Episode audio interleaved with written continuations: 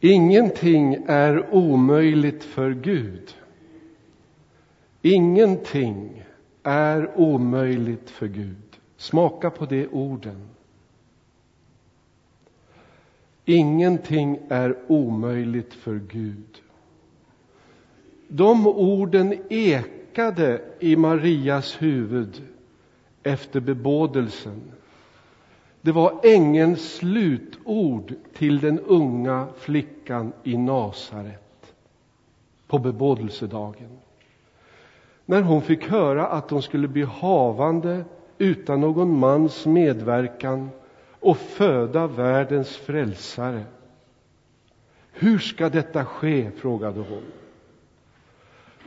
Och så kommer berättelsen om helig ande skall komma över dig och du ska få en alldeles särskild kraft att föda detta barn.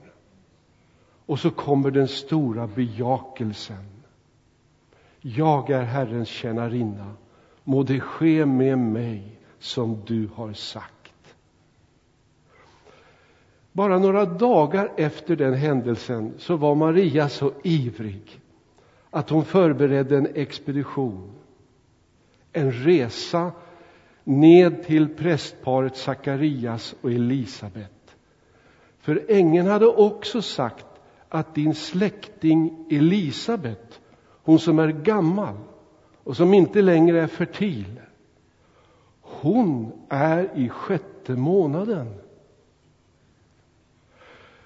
Ska jag tro på det här? tänkte nog Maria. Jag måste ge mig iväg och undersöka om det är sant. Och så förberedde hon med proviant. Säkert hade hon också följeslagare för sin säkerhets skull, inte sant? Det var en lång resa mellan 12 och 14 mil ner till Juda öken. Där bodde prästparet inom en alldeles särskild radie från Jerusalem för att kunna vara i tjänst i templet. Och det står att Maria skyndade. Hon var nog ivrig.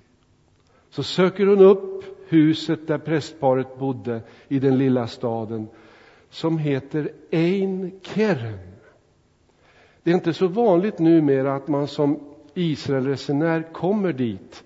Många turistresor drar liksom förbi på andra ställen. Men man kan vara där. Jag var det en gång. Det är en dalsänka som är mycket fridfull. Där finns än idag Marias källa.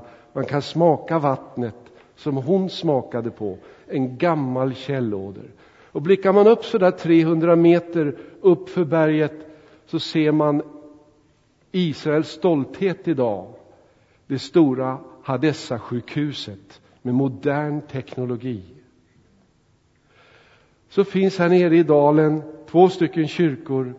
En byggd över Johannes döparens födelseplats och en annan byggd över just mötesplatsen mellan Maria och Elisabet. Hon bultade och mycket riktigt kommer Elisabet fram och eh, så blir det en monolog, en ganska lång sådan av den gamla prästfrun. Och Maria kunde ju själv se att eh, här var det en mage. Hon var gravid, precis som ängeln hade sagt. Och så blir den unga flickan Maria, förmodligen i mitten av tonåren, välsignad i det ord som finns med i den rosenkrans som många kristna ber eh, runt om i världen. Välsignad är du bland kvinnor och välsignat är det barn du bär inom dig. Ni känner till orden. Kan du se porträttet framför dig? En underbar berättelse om hur vi överskrider generationsgränser. En tonåring som söker upp en andlig moder. Gammal och erfaren, en klok kvinna som har mycket av livets erfarenheter och med Gud att göra. Och så utbyter de sina berättelser och delar glädjen och Maria blir bekräftad Det var ju precis som ängeln sa. Det är sant. Det här är inte inbildning, det är ingen dröm. Det är sant. Det händer någonting i min livmoder, i Elisabets livmoder. Något stort är på gång. Och så får hon höra de orden som ekar. Ingenting är omöjligt för Gud. Ingenting. Låt mig göra en liten tillämpning till er som är lite äldre. Vi vill ju vara här i Sörbykyrkan en, en plats för olika generationer och åldrar. Och det är fint, så ska det vara. Vi vill överskrida de gränserna. Men till er som är lite äldre, man kanske kan med Elisabet ibland känna sig uträknad. Men kom ihåg att de yngre vännerna behöver de äldres mognad, vishet och stabilitet. Träd upp, sträck på dig i bänken i alla fall. Du som har varit med ett tag. Herren behöver dig och vill använda dig. Du är verkligen inte uträknad utan inräknad i Guds plan. Och Gud kan långt upp i åren göra mer än vi kan be eller tänka. Det är min tillämpning. Vi behöver många, många andliga mödrar och fäder förstås. Det är jätteviktigt i vår tid. Och nu när vi samlas i våra hem för att fira jul, släkten kommer tillhopa och du har säkert förberett det med både mat och bak och mycket annat festligt, som sig bör. Låt oss inte glömma att vägleda varandra in i centrum av julen, det stora finingsämnet som är Jesus själv, och dela mysteriet, bibelordet. Och här behövs det fäder och mödrar. Ingenting är omöjligt för Gud. Han kan använda oss allesammans, stora och små.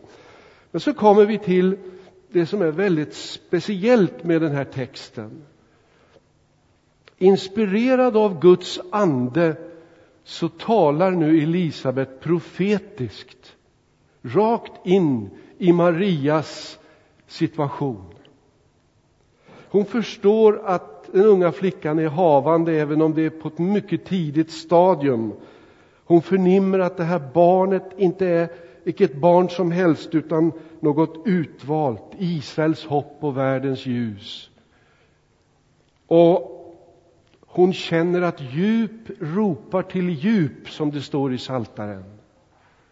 Johannes döparen kommunicerar med Jesusbarnet där på fosternivå. Är det möjligt? Ja, varför inte? Och så kommer den första Kristusbekännelsen efter konceptionen, ja, själva inkarnationen. Då Maria vänder sig, Elisabet vänder sig till Maria och tilltalar henne som min Herres mor.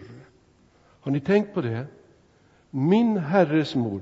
Det barnet hon bar var Herren. Hon var dess mor och hon blir så tilltalad. Det är den första Kristusbekännelsen vi har efter själva konceptionen och vi ska säga inkarnationen, för den skedde ju redan där på embryologisk nivå, om vi tänker efter.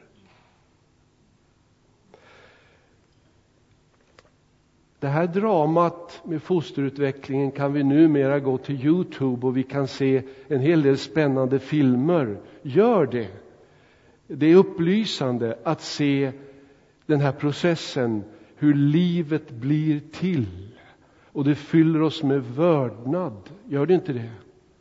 Albert Schweitzer, ni vet den här store teologen och Bach-tolkaren, han var ju en mästare på orgel. Han satt där ute i Afrikas djungel och spelade orgel. Eh, han myntade ett uttryck som sammanfattar hela hans tänkande, vördnad för livet. Om det är någonting som passar här så är det just detta uttryck. Vi talar alltså positivt om det. Om livets storhet fastän det är så jättelitet.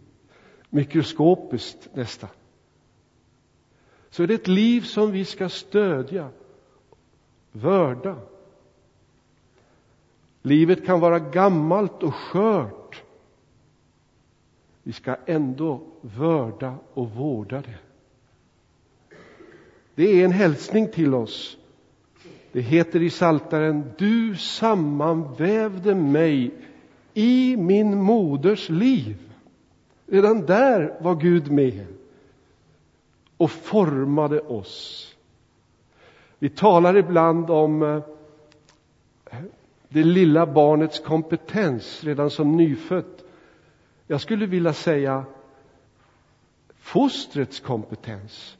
Och jag tror allt eftersom forskningen gör nya landvinningar så kommer vi att förstå mer av det lilla fostrets kompetens. Vi anar det bara idag. Nåväl, det står att barnet i Elisabets moderliv sparkade till två gånger. Jag tillhör den lyckliga skaran som vid fem tillfällen har fått lägga handen på mammas mage och se hur den buktar ut sig för att det är någon där inne som krumbuktar sig och sparkar. Det är spontana livsyttringar och för varje gång man får vara med om detta som pappa eller mamma så är det lika stort. Och det fyller en med vördnad för livet. Och det påminner om att ingenting är omöjligt för Gud. Så kommer jag till den sista meningen i evangeliet. Salig hon som trodde, ty det som Herren har låtit säga henne ska gå i uppfyllelse. Elisabet bekräftade Maria med en salig prisning. Och det är starkt, det är alltså som påven och ännu lite mer salig förklarar någon. Eh, och det kan ju egentligen bara Gud göra. Men eh, Maria gjorde det profetiskt, inspirerad av Guds ande. Hon blev bekräftad, Maria. Eh, Elisabet menar jag förra meningen. Nåväl. Maria hon trodde och lydde. Och här ligger hennes storhet. Hon började inte diskutera sönder kallelsen. Eller hon valde inte sitt eget livsprojekt. Utan hon förstod att hon var en del i Guds stora projekt här i världen. Det var viktigare än allting annat. Ingenting är omöjligt för Gud. Och hon är idag den största av kyrkans alla helgon. Just därför att hon gjorde sig liten och tog emot den stora gåvan. Den största som med sin kropp fick tjäna Gud. Och då kommer jag till en liten tillämpning till. Vet ni då inte att er kropp är den helige Andes tempel, skriver aposteln till församlingen i Korint. Så vi bär på ett tempel som är din och min kropp. Vilken syn på kroppen, vilken underbar kroppsuppfattning. Har du den? Guds tempel. Och för Maria var det ju så att hon fick använda sin kropp till att föda fram världens frälsare. Och vi får använda vår kropp, våra händer och fötter, våra öron och ögon. Vår rygg ska bära upp en hel del, hörni. Och eh, ibland känner vi det i ryggen, därför att med ryggraden så finns ju om och inlindat tiotusentals nervtrådar i det centrala nervsystemet.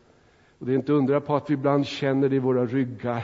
Vi får räta på oss eh, och det kan göra gott. Men det är väldigt mycket kropp i den här texten.